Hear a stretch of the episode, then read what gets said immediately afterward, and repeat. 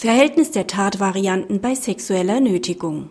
Der BGH hat die Tatbestandsvarianten des Paragraphen 177 Absatz 1 StGB als gleichrangig eingestuft.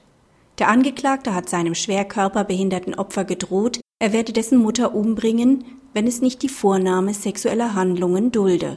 Das Landgericht Landshut verurteilte ihn sowohl aus 177 Absatz 1 Nummer 2 als auch aus 177 Absatz 1 Nummer 3 StGB.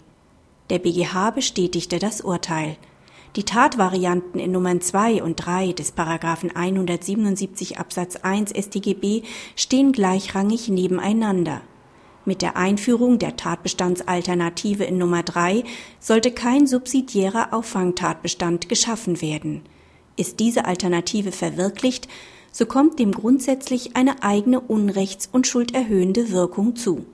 Dies entspricht auch dem gesetzgeberischen Ziel, insbesondere behinderte Menschen vor sexuellen Übergriffen zu schützen. Praxishinweis.